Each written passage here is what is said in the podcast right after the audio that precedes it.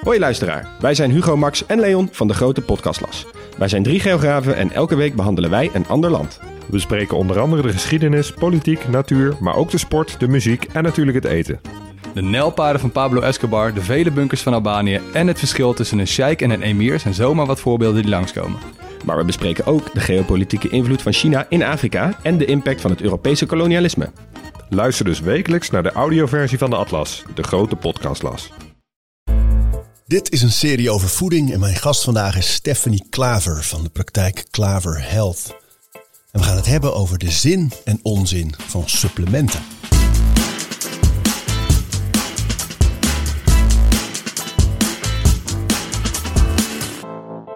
Wat doen jullie nou eigenlijk precies bij Klaver Health? Goeie vraag.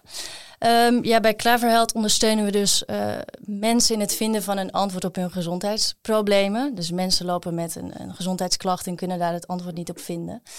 En dat kan van, uh, van in het klein tot het groot. Dus mensen die uh, zich tijdelijk gewoon wat minder voelen, minder energieniveau, lichte darmklachten, ja, beetje mindere weerstand, tot mensen die gewoon al tien jaar met klachten lopen en allerlei circuits hebben bewandeld en het nog steeds eigenlijk niet weten wat nou die oorzaak is. Maar ook mensen, ja, zoals jij en ik, die gewoon denken, hé, hey, ik wil eens wat uh, optimaliseren. Maar hoe kan het nog beter en hoe kan ik inzicht krijgen in mijn lichaam om ook nog gerichter met mijn gezondheid aan de slag te gaan?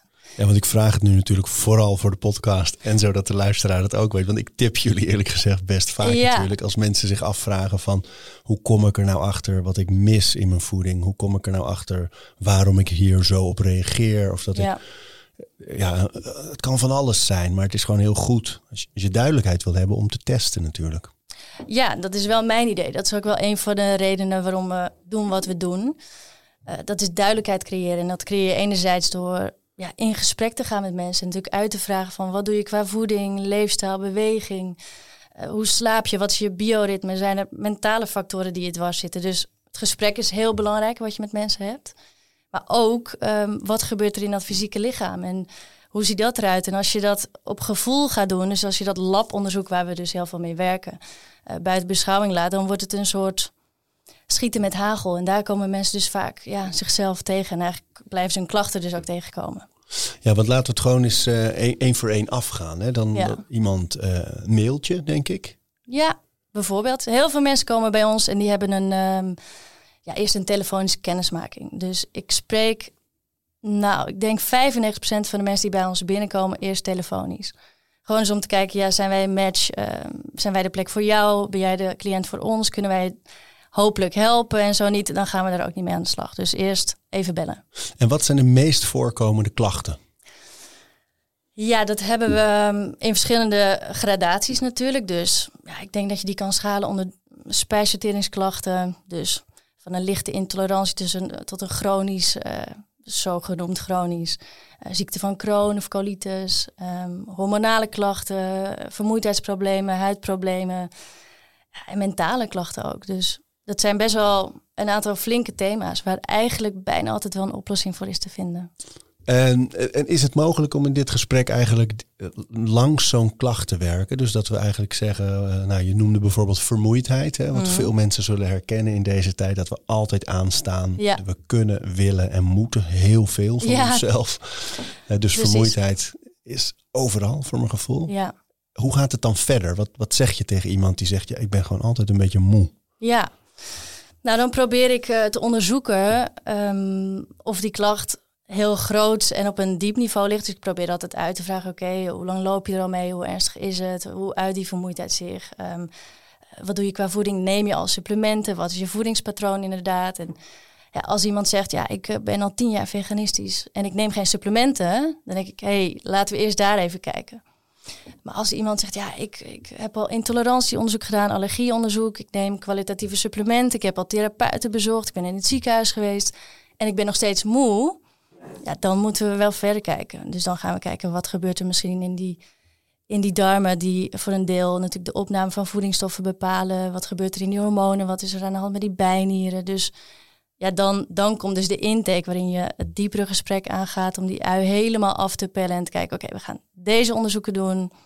Dat geeft ons hopelijk meer informatie om te zien waar het dus uh, ja, waar het dus schuurt. Dus twee trajecten. En als we die ene kant nemen, dat iemand zegt, ja, ik ben al heel lang veganistisch en ik neem geen supplementen. Wat is dan je volgende stap? Nou, wat wij dan doen in onze werkwijze is, dan plannen we een intake. En dan ga ik navragen, wat doe je qua voeding? Um, hoeveel eetmomenten heb je op een dag? Um, hoe slaap je? Krijg je genoeg eiwitten binnen? Hoe zit je met je vetten? En dan gaan we vervolgens bloedonderzoek inzetten om te zien, oké, weet je, algemeen voedingsadvies, zo kan je het invullen.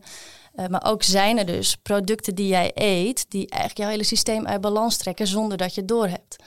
Bijvoorbeeld, ik heb dat wel eens gehad, iemand die was ve uh, veganistisch. En die at natuurlijk ja, granen, pulvruchten, noten, zaden, al die, die hele gezonde producten, soja. Intolerantieonderzoek gedaan, bleek dat die bijna tegen al die producten niet kon. Hoe kan dat? Ja, dat kan uh, meerdere redenen hebben. Vaak is daar een probleem met heel veel belasting op die, uh, de darmwand. Dus dan is de darmwand iets te doorlaatbaar geworden, waardoor de producten die je dan ook nog eens veel eet, daar gaat dat immuunsysteem dan op reageren. Dus je bent dan eigenlijk gezond aan het eten, maar je bent eigenlijk je hele systeem aan het tegenwerken. Dus je immuunsysteem staat in een constante staat van paraatheid. Die moet constant actief zijn. Want die ziet die, dat type voeding als een soort aanval of een, een bedreiging. Klopt. En dat kost natuurlijk heel veel energie. Dus um, daar wil je dan mee aan de slag. En dan ga je ook in gesprek van, is dit patroon wel het juiste patroon voor jou op dit moment? Kunnen we daar ja, flexibiliteit in zoeken? En als je dan verder gaat kijken naar uh, vitaminestatus, B12, vitamine D, omega-3, ijzer, hele belangrijke waarden, ook voor het energieniveau onder andere. Ja, die kunnen natuurlijk aan gaan vullen. Maar als die vervolgens niet worden opgenomen, dat die darmwand niet op orde is, ja, dan, ja, dan moet je toch bij het begin beginnen. En dat zijn dan die darmen. Dus... Oh man, je zegt al allemaal dingen dat ik denk, ja, we moeten al deze dingen gaan onderzoeken in dit gesprek. Want het is, het is veel. Hè? Maar ik wil eerst nog, nog even terug naar die stap dat, dat het dus kan. Dat je eigenlijk gezond eet. Ja. Maar dat het niet goed voor je is. Hoe werkt Op dat dat dan? moment dus niet. Um, ja, omdat je, je ziet dat bijvoorbeeld ook veel bij topsporters of mensen die heel veel stress hebben gehad. Of nou ja, ongezond eten, um, trauma-ervaring hebben gehad. Dat die darmen, dat slaat die stress slaat vaak op die darmen. Dus dan kan gezonde voeding op een gegeven moment gewoon niet meer zo lekker verteerd worden. En dan is het heel fijn dat je inzichtelijk hebt om welke producten dat gaat, zodat je dat systeem tot rust kan brengen. Niet constant meer kan blijven belasten of gaat blijven belasten met dat soort voedingsmiddelen. Dan ga je kijken, hey, wat kan dan wel? Hoe kunnen we je darmwand ondersteunen? Wat gebeurt er eigenlijk nog meer in die darmen? Um, Waarom zeggen die darmen, dit mag niet, dit wil ik niet hebben of dit kan ik niet aan? Ja, dat is dus die combinatie van um, er is een stukje doorlaatbaarheid in die darmwand. En daar reageert dat dus specifiek op die producten die mensen dan vaak veel eten. Ah, oké. Okay. Dus dat kan ook bijvoorbeeld met andere dingen, spinazie. Of... Ja, zeker. Ja. Zo. Een product die we echt vaak zien, die vind ik echt onderschat, is, is ei. Oh ja? Heel veel mensen eten natuurlijk gewoon eitjes en uh, gezond en lekker eiwitten. En um, soms ook wel melkproducten en zeker ja, in bepaalde trainingsclubjes en personal trainers. Ja, je eiwitten en uh, kwark en eitjes. Nou, ja, ik denk dat het bij mij in de onderzoek het meest voorkomende producten is ei. Ja, en ook melkproducten die gewoon die reacties veroorzaken. Echt joh? Ja. En waar komt dat door? Hetzelfde verhaal. Eigenlijk overbelasting um, op die darm waarschijnlijk ergens geweest. Ja, of het is gewoon überhaupt een immuunreactie op dat product. Maar niet omdat het dierlijk is in dit geval. Nee, nee, niet eens per se. Kijk, dierlijke melkproducten zijn wij überhaupt niet heel erg fan van, omdat dat sowieso wat belastender is voor je darm. En nou ja, als je dan dus hebt over die conditie van die darm, die je optimaal wil hebben, dan, ja, dan, dan wil je daar niet te veel van binnenkrijgen. Dat is net als met gluten en nou ja, soja, zo heb je een aantal groepjes, om het niet al te ingewikkeld te maken. Weet je, variatie is denk ik heel belangrijk om hem even. Maar dat is zo interessant, hè? Want jij zegt dit nu inderdaad, omdat je ook nou ja, in, eigenlijk in de voorlinies loopt en weet dat dat zo is. Nu, ja. Dat dat vaak terugkomt. Ja. Terwijl we allemaal opgevoed zijn met je moet melk drinken, is goed voor je botten, daar word je sterk van, dan groei je goed door. Ja, klopt. Is dat helemaal achterhaald? Nou, ik denk zure, gefermenteerde melkproducten, weet je, dat, dat, dat is een ander verhaal dan echt de, de melk en de kazen. Dat, dat, ja, wij, in onze wereld wordt dat niet gezien als iets wat jou moet voorzien van je eiwit en je calcium en je, je andere mineralen. En die zuren, zoals yoghurt en kwark en zo, wel meer? Ja, en die bevatten ook weer bacteriën, doordat het gefermenteerd is. Dus daar kun je dan, ja, dat heeft dan ook een voordeel. En dat is daar ook wat lichter verteerbaar. Maar kijk, als iemand scoort op uh, caseïne vanuit het bloedonderzoek, dan zeg ik ja, leuk voor die bacteriën uit de yoghurt, maar dat ga je dus ja, beter niet eten. Zo joh. Ja. Nee, wat me meest aan verbaasd is dat er dingen zijn die in de volksmond gezond genoemd ja, worden. Ja. En uh, ik ben zelf nogal dol op bonen en, uh, en, en ja. noten en zo. Maar het kan dus heel goed dat mensen daar helemaal niet, niet tegen kunnen. Nee, precies. En kijk, uiteindelijk wil je dus kijken wat is er gaan in die darm. Als je heel veel intoleranties hebt, dan, dan zeg ik bijna vooral... oké, okay, ga gewoon focussen op veel variatie. En in de tussentijd gaan we een ontlastingonderzoek doen... om te kijken hoe kan dit nou? En wat zit jou nou dwars dat die darm zo, het zo zwaar heeft... en jouw vertering het zo zwaar heeft? Ja, we kunnen een paar zijpaden nemen nu. Hè? Van, van we hebben het eigenlijk over de klacht vermoeidheid en hoe dat ongeveer zou kunnen komen en Ja. wat je dan gaat doen. Maar je noemt nu ook meteen twee typen onderzoek. Ja, Eh, het klopt. bloedonderzoek en het eh, ontlastingonderzoek. Ja, Zullen we gewoon eens beginnen met die type, want dat komt bij alle klachten voor, denk ik, dat je die ja. twee type onderzoeken gebruikt eigenlijk. Hè?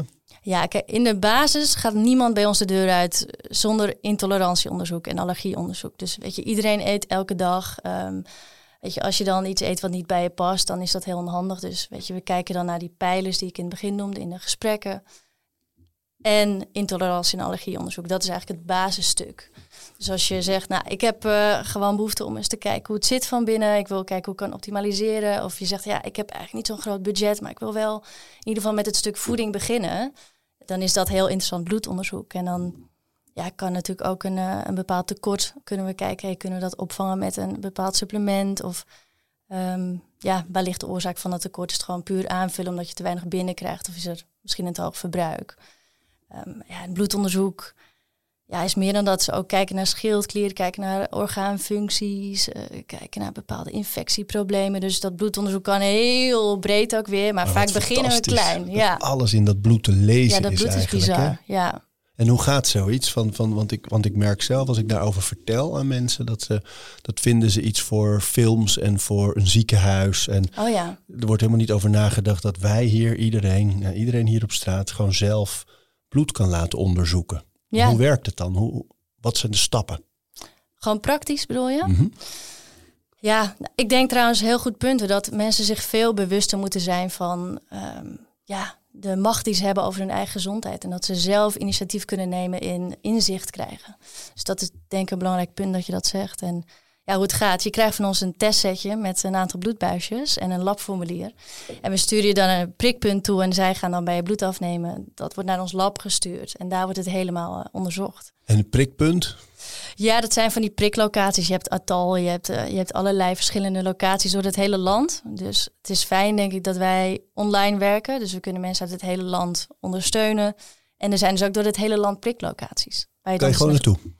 Op eh, ja, verwijzing van ons. Dus je krijgt dan een verwijsbrief. Dus het is niet dat je online ergens wat buisjes bestelt, een prikpunt opzoekt en het dan regelt. Nee. Je moet erbij aangesloten zijn. Maar die mensen die sturen dan, die laten zich prikken, die sturen dat bloed op. Dat gaat bij jullie naar een lab. Ja, En dan ga je lezen. Klopt. Ja, dus afhankelijk van het onderzoek wat je dan eh, gedaan hebt, ga je kijken, oké, wat is hier aan, aan de hand? En ja, wat, wat heeft ons gesprek eigenlijk eh, verteld over deze persoon? En ja, je gaat natuurlijk proberen die dots te connecten. Niet alleen maar puur eh, labuitslagen te behandelen. Dat doen we natuurlijk niet. Dus het gaat minstens zozeer over eh, het in gesprek gaan met iemand. En kijken wat, wat iemand doet. Want die kan het helemaal op orde hebben op papier en op onderzoeksniveau. Maar nog steeds moe zijn. En ja, als, als iemand geen rust neemt of hele hoge eisen heeft of en maar doorwerkt, of weet je, dan, dan ligt het misschien op dat niveau. En daar kijken we dan ook naar. Het is allemaal met elkaar verbonden. Hè? Ja, ja. Of, of de hele dag binnen zit achter een blauw scherm en niet naar buiten gaat, geen zonlicht ziet. Eh, ja, er zijn natuurlijk meerdere wegen die eh, ja, klachten kunnen veroorzaken. Maar het is fijn dat je weet, hé, hey, mijn bloed is goed.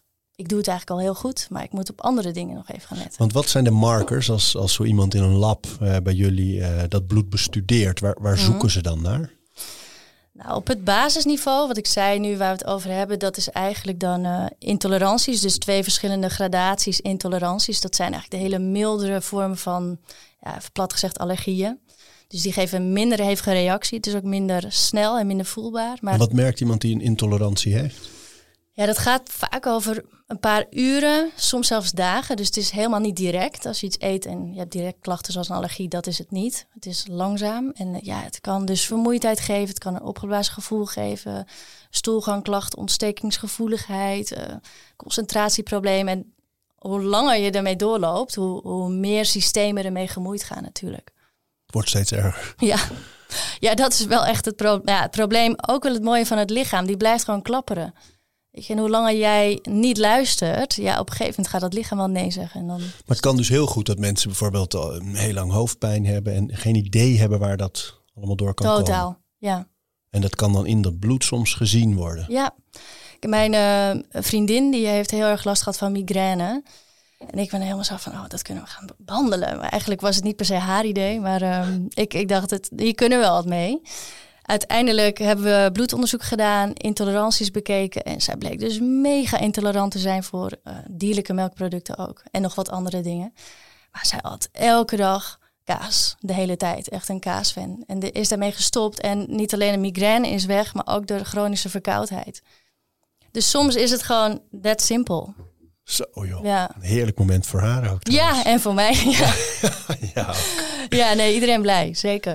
Dus dat bloed, dat kan ik me dan voorstellen, hè? want dat is gewoon een labsituatie. Dan wordt er gewoon gekeken naar alle waarden en uh, wordt er van alles gesignaleerd. Ja. Of gezien dat het goed is. Dus daar ligt het probleem niet. Dat kan ook natuurlijk. Ja, klopt. Dat andere onderzoek van ontlasting, klopt het nou echt dat mensen gewoon hun eigen ontlasting dus toesturen naar een lab? Klopt, ja, inderdaad. En ze scheppen het dus ook zelf uit het toilet. Ja? Ja, ja. Nou, hoe dat werkt praktisch is dat je wederom een testset krijgt. Dit keer ga je thuis zelf afnemen, gelukkig. Um, dat zijn op dit moment zes buisjes ontlasting. Dus dat is ook nog eens een aardige klus. Nou, dat moet, ja, dus, laten we het gewoon maar doen. Even in detail. Dat moet van dezelfde uh, beurt, van dezelfde Nee, drol. nee, dat hoeft niet Dirt. van dezelfde drol. meer dan beurt. Ja, precies. Zijn. Um, nee, Niet. dat gaat over een aantal dagen. Ah, oké. Dus het is een meerdaags ontlastingonderzoek wat het ook interessant maakt. Omdat niet alles is op één dag zichtbaar. Dus je wilt ook eigenlijk een soort meerdaagse test uitvoeren om uh, bijvoorbeeld... Dat kijkt ook naar parasieten, uh, parasitaire belasting. Ja, regulier wordt dat vaak met één of twee buisjes gedaan, maar dan wordt het dus vaak niet gezien. Omdat het niet, letterlijk niet zichtbaar was op die dagen. En als je het met drie buisjes doet, dan wordt het vaak wel zichtbaar. Dus dan, ja, en wij testen dan op ook meerdere soorten parasieten. Dus ja, ons ontlastingonderzoek brengt vaak heel veel aan het licht, wat uh, via andere methodes nog niet zichtbaar is geweest. Hoe koppel je dat los, joh, als onderzoeker? Dat je in, iemand, in iemands ontlasting. Ja, nou, dat zou mijn, uh, mijn rol niet zijn. hey. Ja, bizar. En voor mensen kan het ook echt een drempel zijn om uh, ja, in je eigen. Vanwege schaamte? Ja, vinden ze soms gewoon vies. Ja, maar vinden ze het ook moeilijk om het toe te sturen dat iemand anders gaat terwijl je naam en je adres erbij staan? Nou, het is natuurlijk een, een, een niet doorzichtbare envelop, dus dat scheelt. Kijk, het is ook een onderdeel van het bevolkingsonderzoek vaak. Dat je moet, ja, ik denk dat dat hele ontlasting, poepen, drollen verhaal veel meer genormaliseerd moet worden. Want ja, ook het achterom kijken als je naar het toilet geweest bent, is ja, zoveel zeggend ook voor jouw spijsvertering. Ja, want neem me daar eens in mee. Van, van voordat we verder gaan op het pad waar we zaten. Ja. Uh, je kan zelf dus ook dingen zien aan je ontlasting. Wat bedoel je met achterom kijken? Ja, precies. Ja, ja, ja klopt. Kijk, het, het kan natuurlijk uh, zijn dat je uh, slijm, dat er slijm meekomt. Of zelfs bloed. Nou, dat duidt eigenlijk vaak op een ontsteking. Dus dat is al een soort van ja, moment om echt voor aan de bel te trekken. Maar als jij ik heb cliënten die jaren diarree hebben. Nou, dat voel je natuurlijk ook wel. Maar vaak kijken we ook niet omdat we niet echt, echt willen zien hoe erg het is. Of, of hoe beroerd het eruit ziet. Of ja, dat, dat is gewoon ook geen goed teken. Kan er ook een bacteriële infectie zitten? Of ja, obstipatie kan ook zijn dat je, dus echt hardere keutels, dat je uh, misschien letterlijk te veel vasthoudt en niet kan loslaten. Of onverteerde voedseldeeltjes in je ontlasting. Weet je, dat zegt iets over je vertering en je enzymen. En, dus ja, je kunt daar wel wat uithalen als je af en toe even kijkt. En is er iets te zeggen over uh, qua frequentie ook gezond of niet gezond?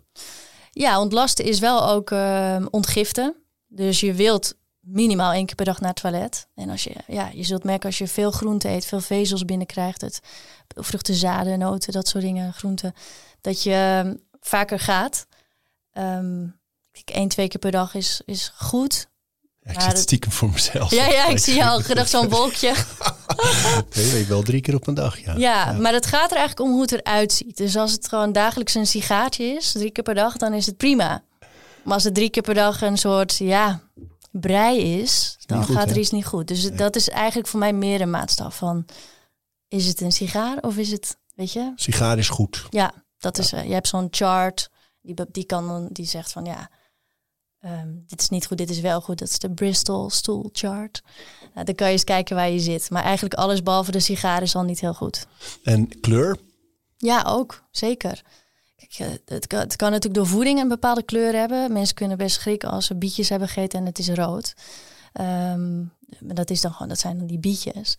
Maar het, kan dus ook roodheid zijn doordat er bloed vermengd is met die ontlasting. En dat zie je vaak bij ontstekingen of uh, zwart kan oud bloed zijn en oranje uh, bacteriële of bacteriële infecties. Dus ja, het moet eigenlijk liever wel bruin zijn, ja. ja. En heel donker is dat heel goed?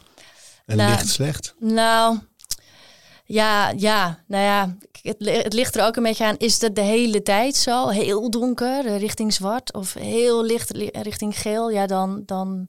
Kijk, dat kan een keer gebeuren. Dan zou ik niet meteen denken, oeh, oeh. Maar als iets ja, continu een andere kleur heeft en ook qua structuur niet helemaal klopt en dat je ook al bepaalde klachten hebt, dan denk ik, ja, ga maar even kijken. En uh, ja, ik kan me voorstellen dat mensen nu, nu alleen nog maar achterom gaan kijken. Top. Maar dat is dus goed om te doen. Ja, ja, ja. Ja, we willen vaak dingen niet zien. Dus we willen ehm, ja, het liefst dingen onder het tapijt schuiven en ontkennen, want we moeten door. En dat jij ook zei van we leven op een tempo en uh, we hebben doelen en we moeten een leuke moeder zijn en moeten op werk presteren. Maar er is vaak niet echt ruimte om naar die ongemakkelijke dingen te kijken die juist zo belangrijk zijn. Ik denk het fundament voor alles wat we doen en wie we willen zijn. Dus ja, begin eens met achterom kijken. Um, toen wij elkaar spraken in aanloop naar dit gesprek, zei jij van ja, ik vind het leuk om als aflevering de zin en onzin van supplementen uh, te behandelen, te kiezen. Maar ik vind het heel belangrijk om te benadrukken dat voeding altijd eerst is. Juist. Kun je dat toelichten? Ja, ik denk dat het heel belangrijk is dat uh, we stilstaan bij het feit dat wij als mens de natuur zijn. We zijn een natuurproduct en we zullen dus ook altijd het beste gaan op producten uit de natuur. Dus voeding, maar ook eh, weet je, eh, zonlicht. Weet je, dat zijn de natuurlijke bronnen van dat wat we nodig hebben en waar we het beste op gaan. Maar het probleem is natuurlijk vandaag de dag dat eh, de voedingsbodem verarmt, um, onze behoefte vrij hoog is en we belasting hebben van heel veel prikkels, straling, uitlaatgassen, vooral als je in de stad woont. Ja, en we vaak niet genoeg zon zien, dus um, zonkwaliteit ja, ook ook te wensen overlaten, omdat we heel ver van de evenaar wonen. Dus er zijn best wel wat factoren waardoor we ja, niet genoeg hebben aan alleen de natuurlijke bronnen. Is mijn mening. En dan komen die supplementen om de hoek kijken. Mogelijk, ja. ja. Dus, dus als, als jullie de ontlasting of het bloed getest hebben. En je hebt al die vragen gesteld over het leven van een persoon. Ja. En de klachten goed in kaart hebben gebracht dan ga je eigenlijk kijken van wat kunnen we met voeding doen om bij te schakelen eerst. Ja. En wat kunnen we eventueel aanvullen met supplementen. Dus heb ik dan het traject goed in kaart? Ja, klopt. Dus voor heel veel mensen is dat alleen al bij bloedonderzoek. Weet je, als je gewoon echt zegt, hey, ik wil echt mijn basis op orde gaan brengen. Nou, bloedonderzoek voor het intolerantiestuk, voedingsadviezen voor hoe vullen we dat dan goed in. En uh, ja, supplementen ter aanvulling. En wij noemen dat dan basissuppletie. Dus eigenlijk de supplementen die iedereen goed kan gebruiken als aanvulling op een bepaalde levensstijl. Ja, want, want als we daarmee beginnen, hè, dan er zijn er een paar die eigenlijk iedereen nodig heeft, toch? Even los van je klachten. Ja. Welke zijn dat? Ja, dat, dat zijn in mijn optiek, en ik denk dat daar vast meer ideeën over zijn. Maar um, in mijn ervaring is het handig om een goede multivitamine te nemen. Ja. Ja, toch wel. Omdat heel veel vitamines en mineralen zijn natuurlijk onderling van elkaar afhankelijk. Dus um, ja, DNK, selenium, zink, uh, uh, ja, B12 en foliumzuur. Dus op het moment dat je alles los gaat slikken, kan je ook bepaalde waarden uit balans trekken. Dus het is in een multi heel handig dat er hele slimme mensen zijn die die samen hebben gezet in de juiste onderlinge verhouding. En het voordeel is dat je dan over de hele linie een bepaalde dosering van alles binnenkrijgt. Dus ja, ik, ik vind dat een heel mooi product om een paar keer per week te nemen. Dat niet elke dag. Mag wel, maar ja, ik zie het ook wel weer als een belasting op het lichaam. Weet je, het lichaam moet ook alles verwerken. Dus die leven, die nieren. Die... Dus ja, En als, je, als je het niet elke dag doet, maar een paar keer per... Wat is dan een handige... Want ik vind zelf aan, aan dingen dagelijks doen zo makkelijk dat je het niet vergeet. Dus gewoon elke dag weer. Ja, klopt. op het moment dat ik ga naar... En het is drie keer in de week, dan... Oh, dan dan gaat gebeurt er iets of, Weet je, dat is dan toch snel het geval. Ja, nou, dagelijks is, niet, is helemaal niet verkeerd, maar ik probeer een beetje rigiditeit uit te halen. Dus heel veel mensen tegen wie je zegt, je moet dit dagelijks doen, die gaan de rest van hun leven dagelijks doen. En dan denk ik, ja, er, mag wel een beetje ontspanning in komen. Van ja, het is een aanvulling. Weet je, je, hebt ook, je eet ook voeding, maar, maar neem af en toe een multivitamine uh, ter ondersteuning. En je kan dat prima dagelijks doen, maar er gebeurt niet zo snel iets met je als je, als je dat niet doet. Dus dan is drie, drie keer in de week is een goede richting? Ik doe dat zelf. Ja, drie keer per week. Twee, één tot twee uh, capsules. Een beetje afhankelijk van wat je natuurlijk neemt. En eh, jij zei net al, multivitamine is een samenstelling. Uh, wat zit daar normaal gesproken zo in, in een goede? Ja, dat is... Um, ja, een goede is een goede toevoeging aan de vraag. Um, het is natuurlijk een, een combinatie van alle vitamines en mineralen die je in principe nodig hebt. Soms aangevuld met plantaardige extracten om die opname nog wat te verbeteren. Um, kijk, en in een goede zitten de goed opneembare vormen. Dus je hebt uh, in dat supplementenwereldje heb je natuurlijk allerlei aanbieders en de een nog beter dan de ander. En ja, het is moeilijk om als leek te weten wat je moet kiezen. Of hoe wat... doe je dat dan? Ja, ja ik, ik zou dan toch iemand inschakelen die er echt verstand van heeft. Want het is niet altijd zo dat degene die in een, in een winkel werkt, um, het beste met jou voor heeft. Weet je wel, dat kan ook te maken hebben met dat die persoon gewoon een omzet wil halen die dag. Of ja, uh, opdracht heeft van zijn werkgever om eigen merk te verkopen. Of ik, ik heb zelf in een supplementenwinkel gewerkt, dus ik weet een beetje hoe het gaat. Um, maar belangrijk is dus dat je in ieder geval kijkt op een potje.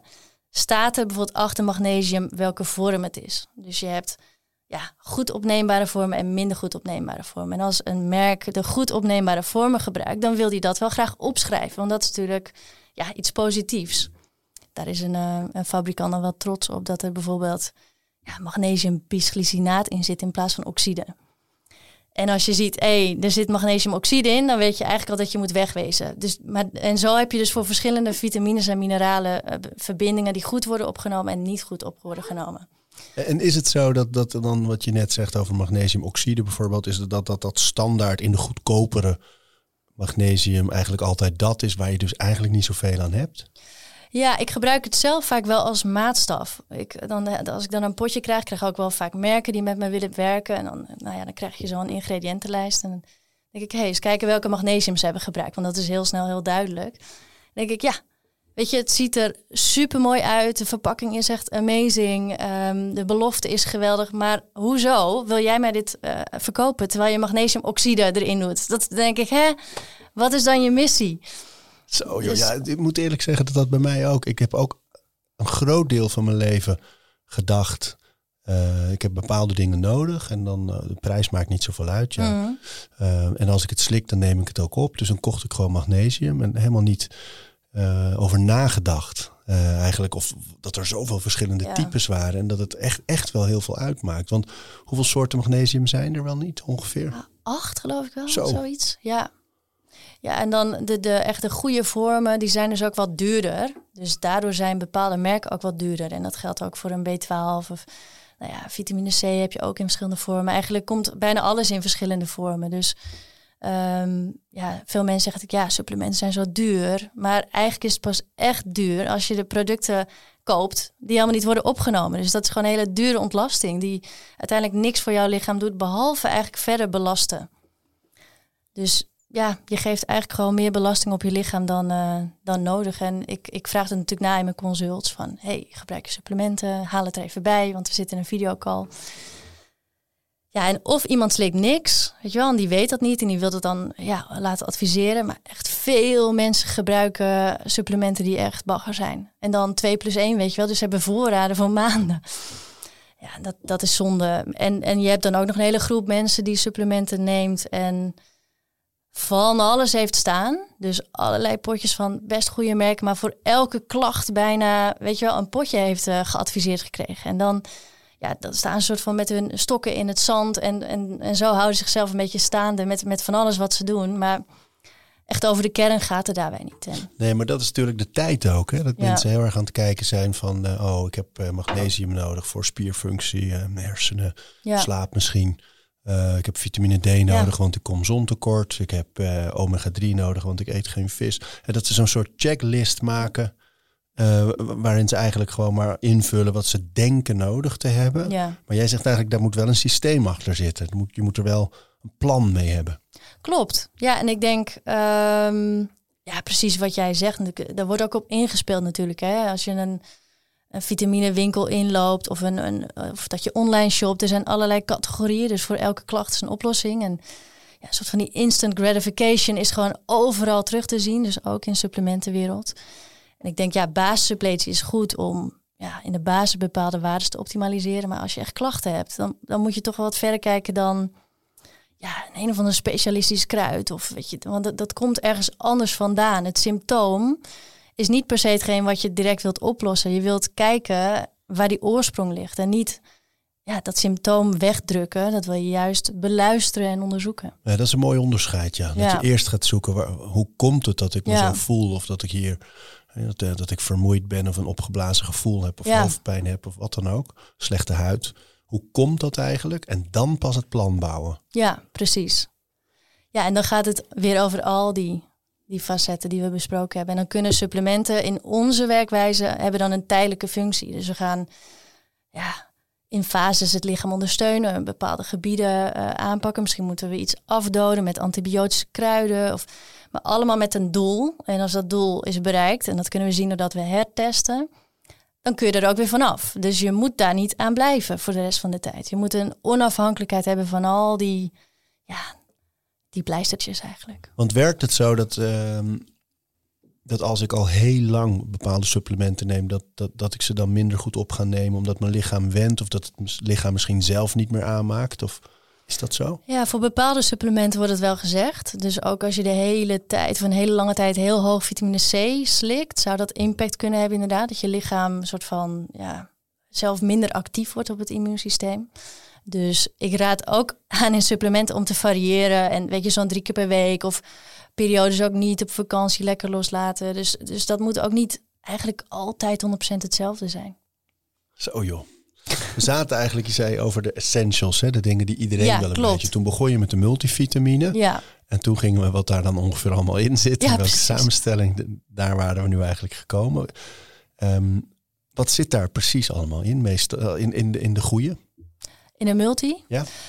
Ja, dat is natuurlijk een heel ding om al die vitamines en, en mineralen na Zijn te er zoveel? Nou ja, A, B, C, D, E, eh, K. Dus, dus dat is gewoon de hele reeks eigenlijk. Dus het hele spectrum. Zo joh. Ja, Maar je zegt wel, dat is een goede. ja, vanwege de samenstelling ook. ja. Wat is er nog meer essentieel? Ik vind zuiverheid ook wel essentieel. Eh, dus opname, opneembaarheid, doordat er voor bepaalde vorm is gekozen, maar ook zuiverheid. Ehm, ik ben zelf heel erg fan van supplementen die in plantaardige capsules zitten. Dan heb je alleen een plantaardig capsuletje en daar zit alles dan in. En waarom is dat belangrijk? Nou ja, je kunt natuurlijk nagaan als het in een tablet zit, ehm, dat er bepaalde middelen zijn gebruikt om er een tablet van te maken. Bindmiddelachtige. Wind, glans, soort, soms ook kleuren. Want je hebt rode, gele, witte tabletten. Ehm, en soms zijn dat natuurlijke stoffen, maar soms ook niet. Ik, ik ken die benamingen niet helemaal uit mijn hoofd. Dat zijn heel ingewikkelde termen. Dus soms denk ik, blijf er maar van weg. Maar ik, ik gebruik veel eh, van een merk die gebruikt dan dus plantaardige capsules. En gebruikt als hulpstoffen eh, spirulina, bospes en ehm, alfalfa. Dat je denkt, wauw, Ja, echt een good job. En dat zit dan ook allemaal nog eens in glas. Dus het is ook, er wordt echt over nagedacht. En daar ja, heb ik wel een zwak voor. Van nou, jullie proberen echt iets, iets te doen. Iets extra's ook te doen. dat is eigenlijk iets waar je naar kijkt om te bepalen of iets goed is. Of Mhm. het goed in elkaar zit, goede samenstelling, eh, duurzaam geproduceerd, zo te Ja, horen. ja, precies. Maar ehm, en welke, naast die vitaminen, eh, welke supplementen noem je nog meer essentieel? Voor eigenlijk die iedereen wel een beetje kan eh, gebruiken. Ehm, ik denk dat nou, vitamine D noemde je al even natuurlijk een belangrijke is. Ehm Want waar is vitamine D nou echt voor? Goeie. Ja, vitamine D is essentieel voor de calciumopname en het beschikbaar maken van magnesium. Dus, slikken soms heel veel magnesium. Maar als er niet genoeg vitamine D beschikbaar is, dan, ja, dan kan het lichaam er eigenlijk niets van mee. Dus dat is ook weer die onderlinge verhoudingen. Afhankelijkheid ook. Um, weerstand, uh, gemoedstoestand. Uh, maar ja, dus ook door die calciumopname, sterke tanden, botten, spierfunctie. Gemoedstoestand. Dus het is echt zo dat die winterdip grotendeels daardoor komt waarschijnlijk bij de meeste mensen. Tekort aan zon, tekort aan vitamine D. Ja, klopt. En vitamine D uit een, um, ja, een druppel of een softgel of een capsule kan daar natuurlijk iets bij helpen. Maar het, wat we al zeiden, het gaat de zon niet, uh, niet evenaren.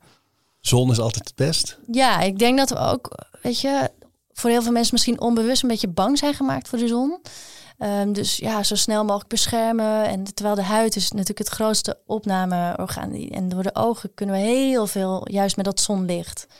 Dus uh, ja, voor de vitamine D-opname, voor de hormoonhuishouding, om ontstekingsgevoeligheid tegen te gaan, energieproductie. Maar is het zo dat als je uh, heel erg insmeert met een sunblock of zo, dat je minder goed opneemt? Ja, Oh, ja. oeh man, dat wordt moeilijk. Zonnebril op, uh, zonnebrandcrème. Dus ja, je, je wilt daar natuurlijk nog steeds goed mee omgaan. Maar hoe ga jij daarmee? Want ik vind, ik vind jou altijd zo'n voorbeeld. Ja, mensen zien je nu niet. Misschien tenzij in de promo uh, ja, precies. een stukje video. Maar hele mooie huid. Ja. Maar je, ziet er ook uit alsof je niet uh, de zon graag opzoekt. Je ziet er gezond uit, klopt. maar niet heel gebruind of zo. Nee, klopt. En het is ook wel iets wat ik... Um, waar ik me de laatste tijd bewuster van uh, ben. Eigenlijk, dus het is ook een soort, ja, de laatste, laatste jaar, laatste half jaar iets ja, waarvan ik me bewuster ben. Het, ik heb een hele gevoelige huid altijd gehad. Uh, dus ik ben altijd heel voorzichtig geweest met de zon. En ik kreeg ook pigmentvlekken als ik in de zon ging. En, um, dus ik, ik was zelf ook een beetje bang voor de zon. Maar doordat ik ermee bezig ben gaan, ben gaan verdiepen, um, merk ik ook van hé, hey, waarschijnlijk zorgt die angst juist voor die klachten. Weet je, die dat niet in contact zijn met die zon, heb ik dus ook um, ja, niet al die positieve effecten ervan, waardoor ik juist klachten krijg. En wat is voor ons dan de beste manier? Nou, de zomer begint nu weer. Hè? Mhm. Van hoe, kun, hoe kan je nou het beste omgaan met die zomer dan? Nou ja, je wilt uh, natuurlijk niet in één keer uh, je gaan blootstellen. En zeker niet op een bepaalde tijd van de dag. Dus um, probeer meerdere keren per dag buiten te zijn. Um, s ochtends, middags, einde van de dag. En smiddags natuurlijk iets meer beschermd. Um, liever dan met kleding dan, uh, dan zonnebrandcrème. Um, schaduw opzoeken, maar wel dat je dat licht in je ogen blijft krijgen. En, en je huid gewoon stap voor stapje wat laat verkleuren, zonder te verbranden. Want daar ja, vindt die schade plaats. En uh, zon in je ogen zorgt dus ook voor opname ja. vitamine D. Ja, zeker, zeker. En ja, die, dat, die zonnebril, die, die zouden we echt wat vaker af, uh, af mogen zetten. Sowieso goed om contact te maken. Ja, precies. Ja, maar echt. Ja, en vitamine D, ja, als ik het uh, uittest in bloed, dan zien we wel gewoon, als iemand daar niks aan doet, dat die tekorten echt mega zijn. Soms gewoon bijna op het nulpunt. En het uh, gevaar dat je dan loopt als je te weinig vitamine D hebt, is dat je wat somberder bent dus. Ja. Dat je, je, je botten, je tanden minder sterk zijn. Ja. Nog andere dingen? Nou ja, je kan ook echt heel vermoeid zijn. En je immuunsysteem kan het ook echt uh, wat zwaarder hebben. Zo hé. Dus als iemand met vermoeidheidsklachten komt, ja, dan ga je eerst dat soort dingen natuurlijk uitzoeken en, uh, en navragen. Ja. En ja, donkere huidskleur. Er zijn uh, oudere, bepaalde groepen die natuurlijk wat extra nodig hebben. Vitamine D, de multivitamine. Juist. Nog meer essentiële supplementen? Um, ja, ik denk zeker ook omega 3. Ah ja, tuurlijk. Ja, een hele belangrijke. Um, Want wat is het ook alweer precies? Ja, het is een, um, een visvetzuur eigenlijk, die ook in planten te vinden is. Dus in algen of in bepaalde zaden. Zoals ja, want het zit in de vis omdat hij algen heet volgens Precies, mij. Precies, ja, scherp. Ja, en uh, ja, hij heeft heel veel functies. Ik noem het altijd een beetje de smeerolie van ons lichaam. Dus ja, werkt heel uh, ontstekingsremmend. En natuurlijk in een ontstekingsgevoelige sfeer leven. Um, werkt heel goed op de hersenfunctie, concentratie, uh, gezonde hart- en bloedvaten, um, ja, de gewrichten, hormoonhuishouding. Dus het is bijna bij alles betrokken. Celstofwisseling. En um, ja, veel mensen eten steeds minder dieren. Of tenminste, een, een, deel mensen eet steeds minder dieren. Dus die lopen al best wel een, een kans op een tekort als je dat niet aanvult of daar niet bewust mee omgaat. En veel mensen denken, oh, maar ik eet wel vis, maar die krijgen alsnog niet genoeg omega-3 vetzuren binnen. Dus. Hoe kan dat eigenlijk? Dat je dan wel vis eet en het toch niet binnenkrijgt? Nou, wel iets, maar dan niet optimaal. Weet je wel? Dus uh, je moet aardig dooreten. En met vis, ja, het is gewoon een heel vervelend thema eigenlijk. Maar ja, wij als mens gaan natuurlijk niet altijd geweldig om met de natuur en de zee is daar ook een onderdeel van. En eigenlijk een soort ja, nadelig gevolg van, van ons bestaan. Dat die zee gewoon steeds meer toxines bevat. En ehm, die worden juist opgeslagen in de vetten van de vis. Dus het advies voor zwangere vrouwen is vaak ook van ja, uh, eet niet uh, bepaalde vissoorten, want die toxines zijn dan te belastend voor jou. En dan denk ik ja, maar dat geldt natuurlijk ook voor mensen die niet zwanger zijn. Weet je, dat is niet alleen maar omdat je zwanger bent en een kindje bijdraagt. Dus een veilige weg is echt wel die omega-3 uit algeolie of algen.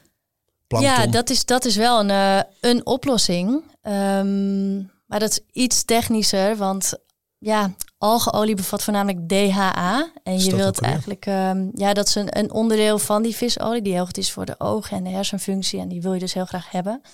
En vissen kunnen die DHA heel goed omzetten in EPA. Die heeft weer andere functies in ons lichaam. Wat is dat ook alweer?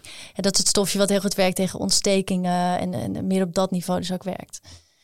En ja, die vissen kunnen dat dus goed omzetten, maar mensen lukt dat niet altijd zo goed. Dus je wilt dan als je een algeolie supplement hebt, kijken of die alsnog ook die EPA bevat.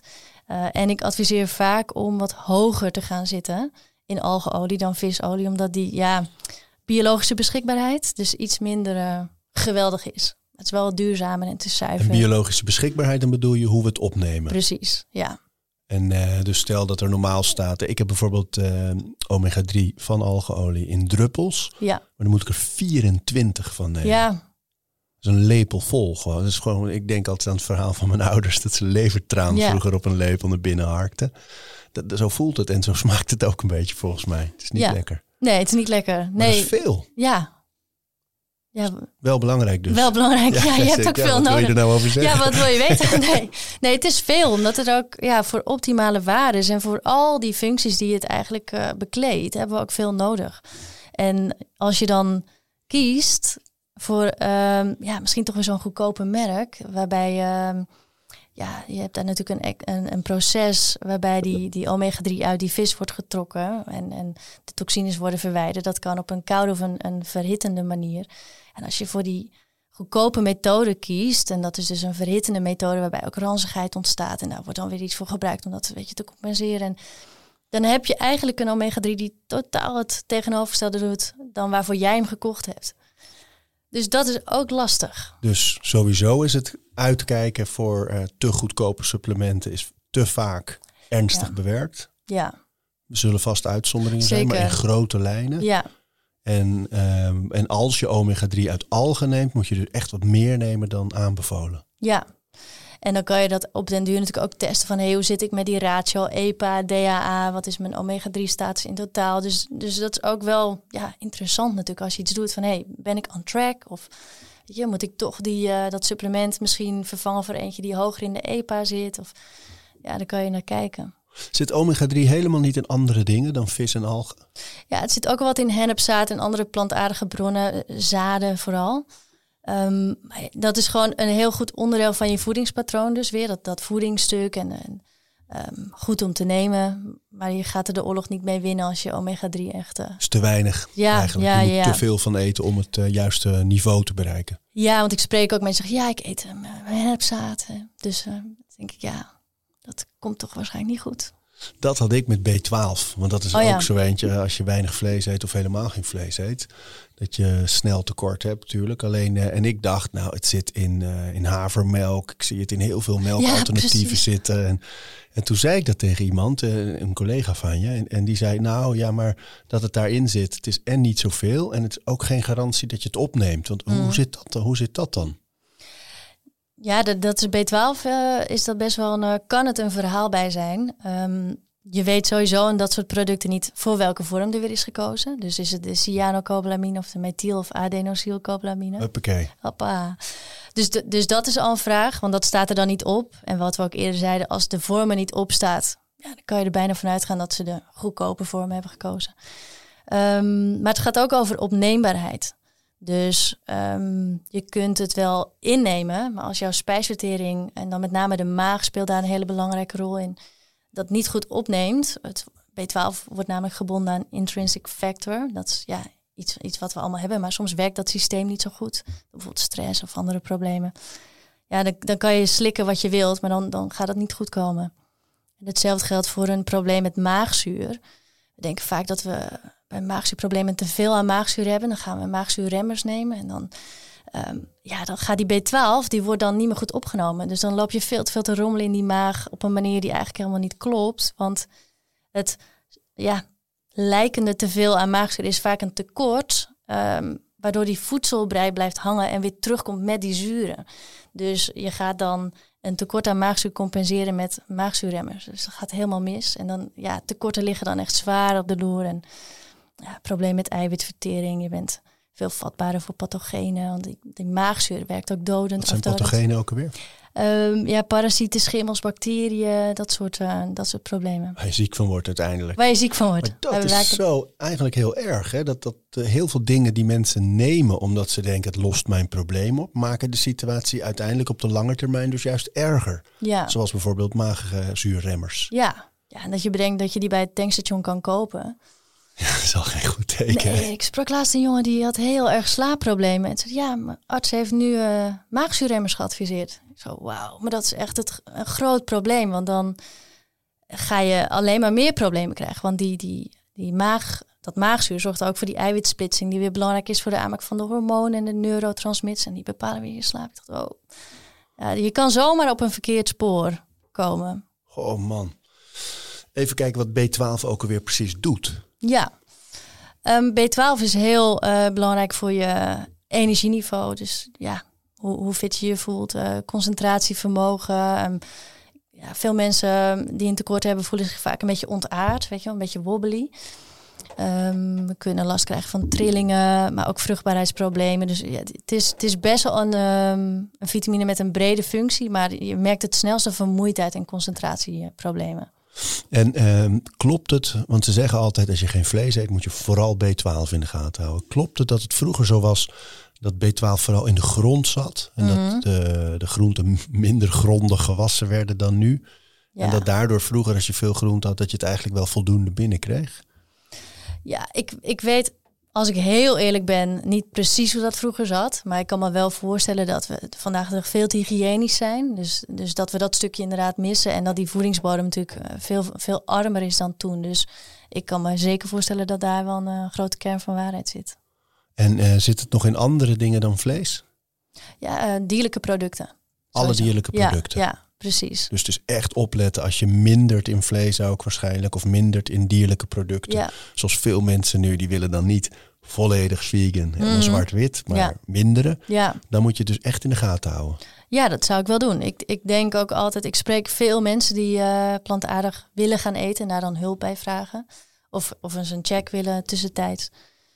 Ik zeg ook van, ja, als je niet bereid bent om aan te vullen en echt tijd te besteden in de keuken, dan zou ik het niet doen dan zou ik toch kijken, ja, is dan misschien niet heel duurzaam, maar uiteindelijk ja, is eigen gezondheid denk ik het belangrijkste, want vanuit daar kun je veel betekenis hebben ook voor de wereld, als dat je, je wens is. Maar ja, eh, niemand heeft er iets aan als jij er zelf weet je, aan onderdoor schiet.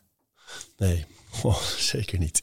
Even kijken hoor. We hadden eh, de multivitamine, we hadden magnesium, heb je behandeld? Mm, nog niet. We hadden multi-D, omega-3 en nu B12. Oh, magnesium was gewoon een zijpad dat we in, eh, de ja, in doken. Ja, ja, volgens mij... Maar is het magnesium essentieel? Ja, vind ik wel. Zit het, het zit natuurlijk best wel veel in voeding, maar dus niet genoeg om op te nemen. Nee, nee, ik denk dat magnesium ja, is misschien wel een van mijn ehm, first choice ja? mineralen. Ja, ja, het is wel echt een, uh, een alleskunner bijna. En weet je, die moet ook weer in een bepaalde vorm zijn. Daar hebben we het natuurlijk over gehad. Uh, Want wat doet het precies, magnesium? Ja, het is heel belangrijk bij ehm, ja, het, het produceren van energie. Het is, het is überhaupt betrokken bij meer dan 300 processen in het lichaam. Dus celcommunicatie. Weet je, dus overal heeft het een, een functie. Maar de belangrijkste zijn, de bekendste is energieproductie en mentale fysieke ontspanning en herstel. Zo joh, dus het zijn geen kleintjes. Nee. Nee, het is gewoon um, ja, iets waar we denk ik zeker vandaag de dag met alle prikkels die we moeten verwerken en, en de, drukte die er heerst. Uh, je, niet per se om te gebruiken als, als compensatie, maar wel als support om je wat, wat makkelijker te bewegen. En het verbruik ligt gewoon enorm hoog. Dus je, ook als je alleen al koffie drinkt, weet je, dat, dat verbruikt wel meer magnesium. Of als je veel stress hebt, verbruik je meer magnesium. Sporters, uh, ja, dat is gewoon iets wat je nodig hebt. En je zei al, er zijn zo'n acht soorten van. Hoe bepaal je welk type voor jou geschikt is? Ik ga het liefste altijd voor een complex. Een soort formule van meerdere goed opneembare vormen. Um, omdat ja, we hebben niet per se alleen mentale uh, ondersteuning of geestelijke ondersteuning of alleen dat fysieke of alleen energieproductie. Dus ik ben altijd heel erg voor de combinatie van die verschillende vormen om, uh, om op die manier dan ja, overal ondersteund te worden. En je kan ook nog aanvullen met magnesiumbaden of olie. Als je ja, het misschien heel moeilijk vindt om het te slikken, dan kun je dus ook het op die manier nog, uh, nog binnenkrijgen. Ja, wij gebruiken het bij de kinderen bij groeipijn. Oh ja. Zit bijna altijd in de kuiten bij ze als ze s'nachts wakker worden. En dan heb ik zo'n uh, ja, flacon met een soort lotion uh, heb ik naast hun bed staan. Smeer ik die kuiten in en het werkt echt. Ja. ja Zou het placebo zijn ook? Ik geloof het niet. Nee, hè? Nee, ik geloof echt dat dat, dat, dat echt werkt. En Ehm, ik adviseer het ook wel vrouwen bij begin als je net uh, moet gaan menstrueren en, krampen hebt. Weet je, soms is dat gewoon niet prettig. En dan, dan kan magnesium zo hup als sneeuw voor de zon. Of inderdaad kuiten bij sporters, maar dus ook bij kindjes. Uh, ja, als ik wel eens s'nachts wakker word. Dat gebeurt misschien één keer in de maand, weet je wel. Dat je denkt, wow, ik kan mijn dag wel beginnen. Ik voel me helemaal actief. Maar dan is het vier uur of zo. En ik, nou, ik neem even twee magnesium en dan hups. Ja? Ja, zou ik je naast je bed liggen? Ja, zeker. Ja, dus dat werkt. En altijd in combinatie dus met vitamine D. Dus je hebt die vitamine D echt nodig om ook die magnesium... Uh... Die neem je dan ook tegelijk? Nee, dat hoeft niet. Als er maar voldoende aanwezig is. Ah, dat is het meer. Ja, ja. Dus multivitamine, omega 3, vitamine D, B12 hebben we gezegd. Ja. We hebben het nu over magnesium. Is daar nog meer over te zeggen? Vast, maar ik denk dat we de grote lading wel gedekt hebben. En, een kleine sidestep is dat die B12 niet per se essentieel is voor iedereen. Dus ik zou dan zeggen multi, omega-3, D en magnesium als minimale basis. Ja, oké. En dan B12 is meer voor mensen sterk afhangende van hoe je eet. Ja. Waarschijnlijk. En hoe je erbij zit in je, in je lichaam natuurlijk. Maar dat blijft ook een beetje ja, ja, terugkerende conclusie natuurlijk. Ja, en ehm, ik, ik kreeg een advies van uh, de partij waar ik mijn uh, supplementen uh, haal.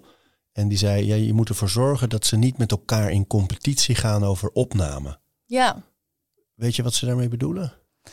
Nou, ik moet dan denken vooral aan aminozuren. Dus ik weet niet of het gaat over losse aminozuren, maar stel je neemt uh, die in met een bepaald doel en je doet dat bij de maaltijd waar ook eiwit in zitten, dan kunnen die gaan in competitie met elkaar gaan. Maar bij supplementen, vitamine, mineralen denk ik eerder van, hey, ze moeten elkaar um, ze hebben elkaar nodig. Oké, dus daar maakt het niet uit. Het gaat inderdaad om die, eh, die BCAA's. Oh ja, klopt. Ja. amino acids, die drie aminozuren, de bouwstenen voor proteïne noemen ze wel. Hè? Ja. Maar die, het advies is inderdaad om die tussen de ochtend, of de, ja, de breakfast noem ik het maar even, en, uh, en het middagmaal uh, te nemen. Ja. Dat is dus om die reden, dat ze niet te dicht op een andere proteïne inname moeten zitten. Klopt. Sporters nemen het ook wel eens volgens mij letterlijk tijdens een training in, omdat volgens mij, uh, als je sport, worden die aminozuren als eerste aangesproken. Dus het eerste ook uh, merk je dat aan een bepaalde spierafbraak. Dus dat je misschien niet genoeg daarvan uh, binnenkrijgt. Maar als je die inderdaad lekker bij je maaltijd neemt, zoals de meeste supplementen voor wordt geadviseerd, dan ja, sla je de plank dus mis. Wat neem je eigenlijk zelf? Goeie vraag. Uh, nou, goed te weten denk ik dat ik voornamelijk plantaardig eet. Um, dat is niet per se omdat ik het predik, maar meer omdat ik vroeger toen ik kind was een werkstuk heb, een werkstuk heb gemaakt over de bio-industrie en dacht, oei, komt niet goed. Ik vind het, het was te schrijnend en, en zeg maar dat dierenleed vind ik heel ingewikkeld. Maar ja, ik geloof wel ook wel in de gezondheidseffecten van kwalitatief vlees en kwalitatief vis en variatie en verschillende bronnen. Uh, maar ik eet dus ja, grotendeels plantaardig um, en ik neem een multivitamine. Uh, omega 3, uh, vitamine D, uh, magnesium, dus die basis. Ik neem dan mijn B12, zuigtabletje. Dus dan oh, ja? wordt het via het mondslijmvlies opgenomen. Dus het is dan niet afhankelijk van die, die maag. Dus het kan zomaar zijn dat, ondanks dat je heel gezond bent, dat dat, dat intrinsic factor verhaal bij jou niet op orde is. En dan, ja, dan loop je dus die opname mis. Zuigtabletje of spray ben ik erg fan van met magnesium of met B12. Ah, dus dat is de reden dat er zoveel verschillende soorten ja. bestaan. Druppel, spray, zuigtablet, capsule, poeder. Klopt. En is daar iets over te zeggen in algemene zin? Of verschilt dat ook weer per supplement wat het best is? Nou ja, uiteindelijk gaat het natuurlijk om wat je opneemt. En opname via het mondslijmvlies. Dus je hebt ook uh, andere merken die doen alles vloeibaar. Omdat je dan, dan hou je een minuutje in de mond en dan wordt het via het mondslijmvlies opgenomen. Ja, dan weet je zeker dat het, uh, dat het ergens terecht komt. Dus dat is dan niet afhankelijk van hoe je maag is of dat je een te doorlaatbare darmwand hebt. Of weet je, dat je diarree hebt en het überhaupt niet wordt opgenomen. Dus ja, in sommige gevallen, zeker als wij weten, die spijsvertering ligt er helemaal af. Dat, uh, dat er wordt gewoon heel weinig opgenomen. Soms zeggen cliënten dat ook. Het voelt alsof ik niks meer opneem. Um, ja, dan ga je eerst eens kijken, hey, hoe kunnen we uh, met vloeibare producten aan de slag? Een reden dat ik ook daar benieuwd naar was, is dat ik zelf denk van, ja, ik ben nu zo'n, ik ben nu 48, dus ik ben volgens mij zo vanaf mijn achttiende gewoon standaard supplementen gaan gebruiken. Allerlei soorten en allerlei dingen ook uitgeprobeerd dat ik heel vaak ook heb gedacht, ik slik al heel lang. Mhm. Is het wel goed voor mijn, uh, voor mijn nieren en mijn lever en zo? Dat ik, dat ik altijd dat het dat ook maar weer moet verwerken allemaal. Dus dat, dat is de reden dat ik dacht, moet ik ook niet meer in poeders en druppels en, en zuigtabletten gaan doen? Ja. Ja, dat, dat zou kunnen. Dus bijna, dus eigenlijk bijna altijd wel beter dus. Nou, nee hoor. Het is ook helemaal niet altijd nodig. Um, en ook niet alles is beschikbaar in die vloeibare vorm. Dus, dus het is ook een beetje kijken. Maar als je in ieder geval kiest voor die kwaliteit, dus uh, supplementen met de hoge biologische beschikbaarheid, dan, dan gaat het al veel beter dan uh, de producten die, um, die dat niet hebben als je het hebt over belasting op je lichaam. Um, maar, ik heb er geen last van hoor. Ik heb nooit het gevoel dat er iets niet klopt. Ik ben nee. een tikje hypochondrisch wel. Uh, niet in de zin dat het me uh, plat legt of lam slaat. Mm -hmm. Maar wel dat ik altijd wel een gedachte heb van... Hey, is, dit, is dit verstandig? Is dit ja. goed? Doe ik dit niet te lang? Dat soort vragen. Ik denk dat dat hele goede vragen zijn, sowieso. Van waarom doe ik dit eigenlijk? En dat dan weer onderzoeken. Net als uh, ik en de zon of zo, weet je wel. En altijd blijven vragen, waarom doe ik wat ik doe? Is dit een waarheid? Of heb ik mezelf dit verteld? Of heeft iemand anders me dit verteld? En net als deze podcast, is dit de waarheid? Ja, vraag het je af. Um, en daarom ook goed, weet je, je kan er ook voor kiezen om eens in het half jaar... Um, ja, wij, wij bieden dat ook aan in een soort cleanse uh, te doen. Een cleanse vind ik soms een beetje een agressief woord, maar ja, eens dat soort patronen te gaan bekijken. Maar ook eens te ja, stoppen dan, met dan heb je meer inderdaad. Dus niet zozeer een cleanse, zoals je ook wel eens hoort van de darmen schoonspoelen en zo. Die... Nee, niet per se zo'n quick en aggressive ding, weet je, maar meer vanuit... Want daar geloof je niet in, hè? Ja, wel, maar als onderdeel van. Ah. Dus als onderdeel van een hoger plan. Um, maar ik denk dat iedereen als aanvulling op zijn gezondheid best kan kijken. Hey, ik ga even dan uh, een maand lang even niet die supplementen nemen. Even geen koffie, geen alcohol, geen suikers. Mijn routines even bekijken. Wat, wat ben ik nou eigenlijk aan het doen en waarom? En, um, Is ja. de zomer altijd het beste om zoiets te doen? Ja, ayurvedisch gezien zeggen ze zo... de omschakeling naar de lente toe en naar de herfst toe. Dus je beweegt dan met die seizoenen mee. Ik weet niet eens precies waarom dat is, maar ja. Vanuit Ayurveda. Oh, dat is mooi hè, dat ja. dat allemaal zo... Vind ik zo leuk dat die Ayurveda altijd heel erg in de zweverige hoek werd geduwd. Terwijl ja. nu gewoon wetenschappelijk keer op keer wordt aangetoond dat ze het gewoon bij het juiste... Wat is ook alweer... Ja, ik zeg dit voortdurend eigenlijk om jou lekker uit te laten leggen. Maar die Ayurvedische school, wat, hoe kan je die nou het best samenvatten als mensen daar benieuwd naar zijn? Um, ja, kijk, het is niet mijn specialisme, maar ik probeer wel naar ook verschillende invalshoeken natuurlijk te kijken als het gaat over gezondheid. En het is gewoon een eeuwenoude leer waar heel veel waarheden in zitten. En die kijkt heel erg naar persoonstypes. En op basis van jouw persoonstype wordt er dan een soort, ja, kun je een soort advies krijgen op basis van je voeding en hoe je uh, uh, je leefstijl best kan invullen. En als je bepaalde klachten hebt, waar ligt dat dan aan? En dan, dan zit je waarschijnlijk te veel in een bepaalde andere energie. Dus in een, in, ja, dan ben je eigenlijk ja, niet in jouw persoonstype. Dus je hebt, um, ja, je hebt er drie.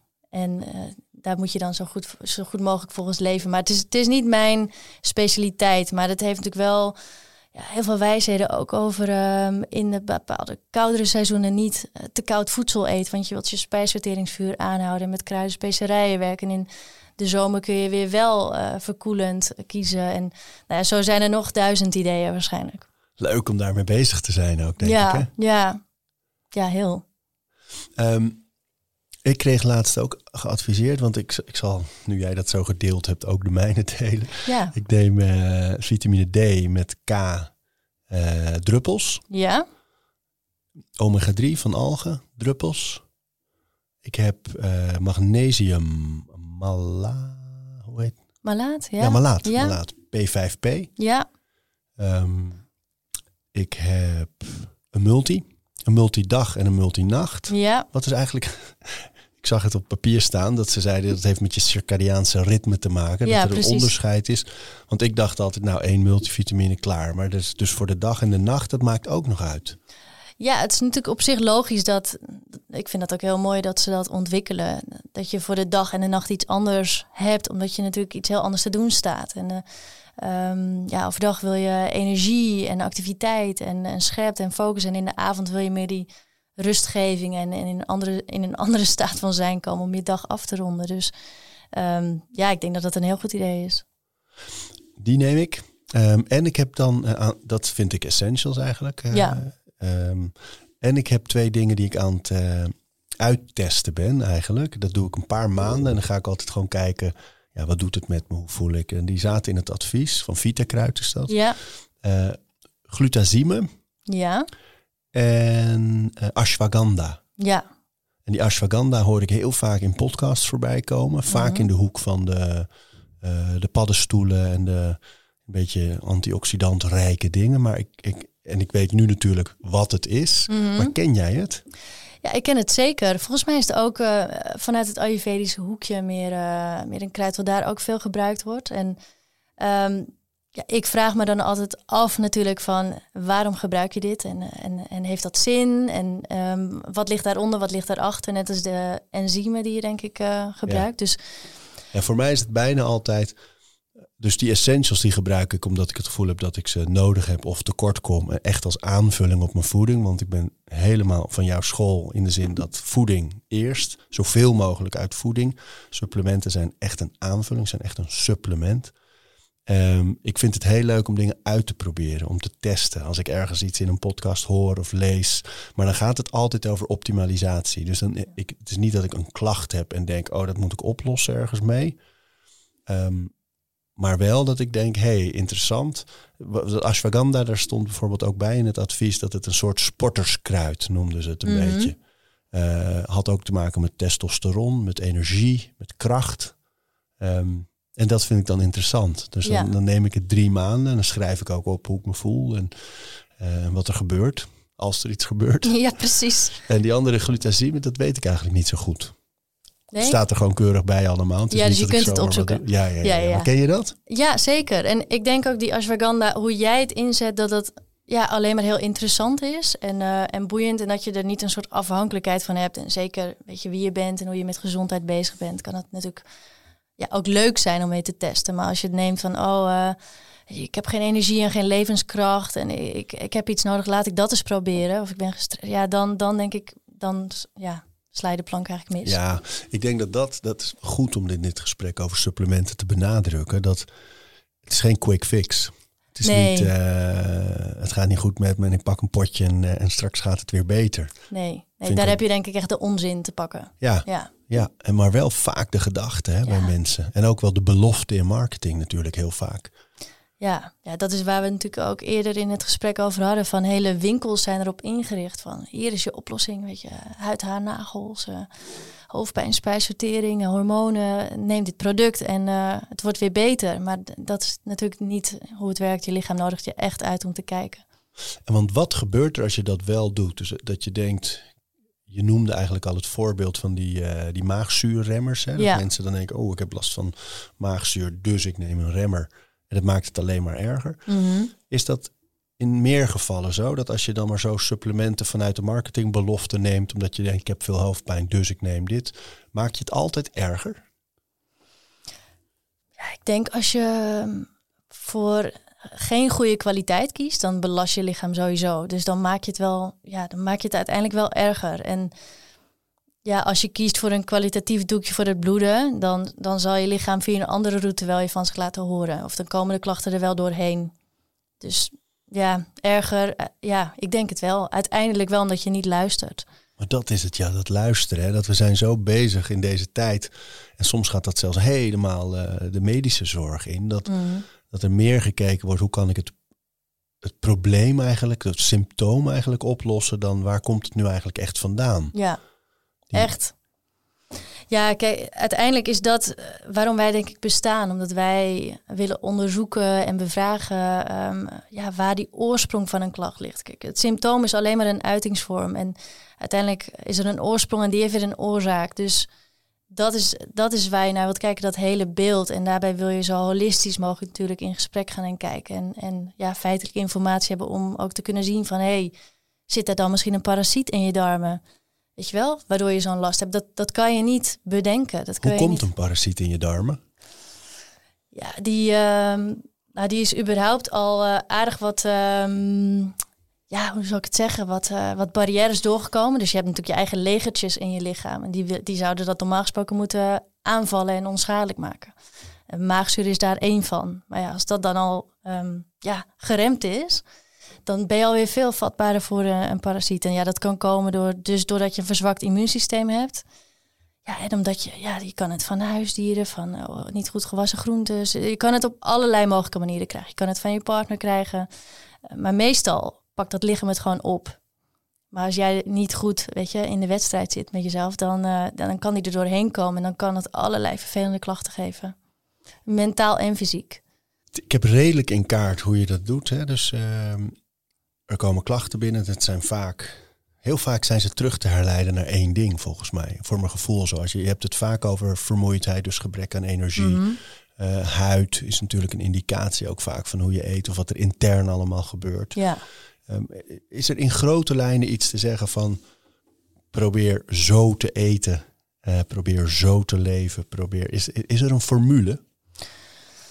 Nou, ja, ondanks dat gezondheid natuurlijk iets heel persoonlijks is, denk ik wel dat er een, ja, bepaalde spelregels zijn die je kunnen helpen om het uh, zo goed mogelijk te doen. En um, ja, qua voeding denk ik dat die er ook zijn. Dus wat wij veel zeggen is eet meer groenten. Eigenlijk 500 gram per dag, dus twee ons groenten, wat bijna niemand haalt, is al echt veel te weinig eigenlijk.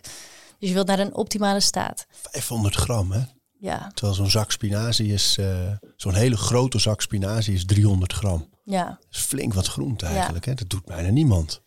Nee, dus kun je nagaan hoe je gaat voelen als je, als je voeding op zo'n niveau gaat insteken. En uh, ga variëren. Dus zorg dat je dat brede spectrum aan alle vitamines, mineralen uh, binnenkrijgt. En voorkom daarmee ook dat je sneller intolerant wordt.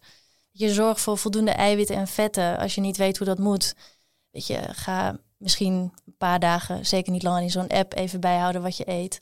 En dan, dan krijg je vaak al inzicht van, oeh, dat is zeker niet genoeg. En dat zijn hele belangrijke bouwstenen voor je hormonen, neurotransmitters, uh, herstel van de darmwand. Uh.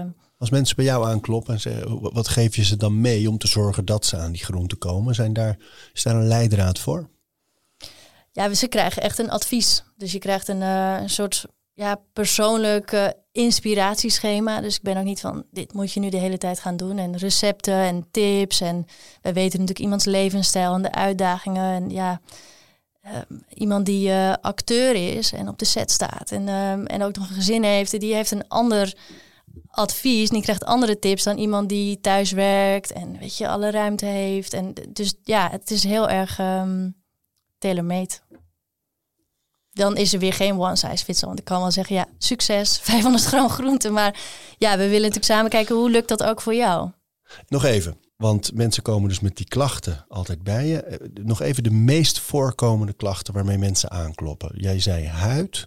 Huidklachten, dus uh, bijvoorbeeld eczeem, psoriasis, uh, rosacea, acne. Dus dat zijn echt flinke, ernstige huidklachten. Of ja, ernstig, ja, heel vervelend in ieder geval.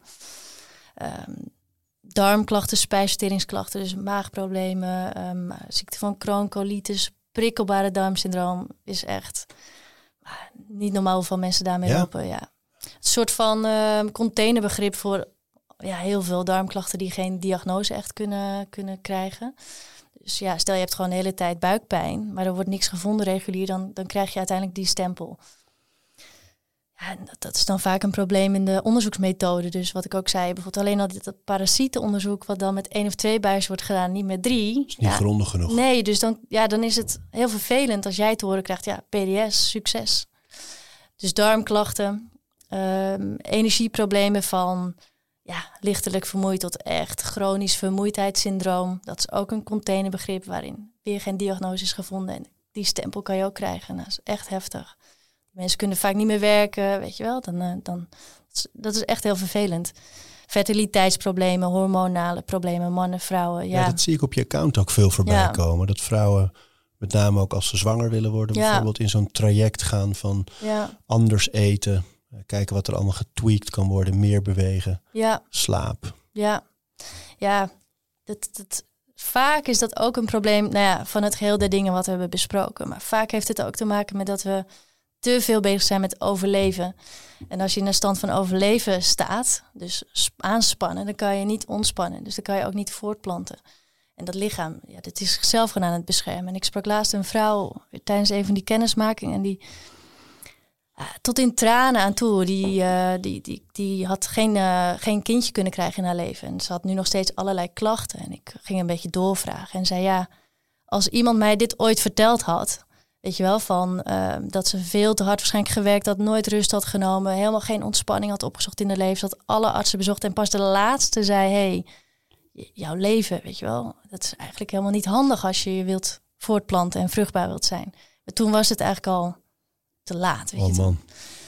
Super schrijnend dat je soms juist daarom ook altijd die gesprekken van ja, hoe staat iemand erbij en wat doet iemand en ja, dan ga je natuurlijk eh, vervolgens weer kijken naar het hele plaatje. Maar als het in de basis al te gespannen is, dan kan dat lichaam niet herstellen of voortplanten of verteren. Of dan kan het immuunsysteem niet optimaal zijn. Dus ja, misschien is ontspanning en jezelf dat toestaan een eerste stap naar uh, optimale gezondheid. Bijzonder hè, dat eigenlijk altijd weer die dingen terugkomen. Uh, die basisvoeding, dat die vers en gevarieerd is. Mhm. Veel onbewerkt. Uh, dat je goed slaapt, dat je op je rust let. Maar daar zit dus ook dit bij. Van ja. ontspanning, zorg voor momenten van ontspanning, beweging. Ja. En daar eigenlijk aan die mooie drie-eenheid toegevoegd uh, supplementen pas. Juist. De zin en onzin van. Ja, helder. hey, dankjewel. Jij bedankt.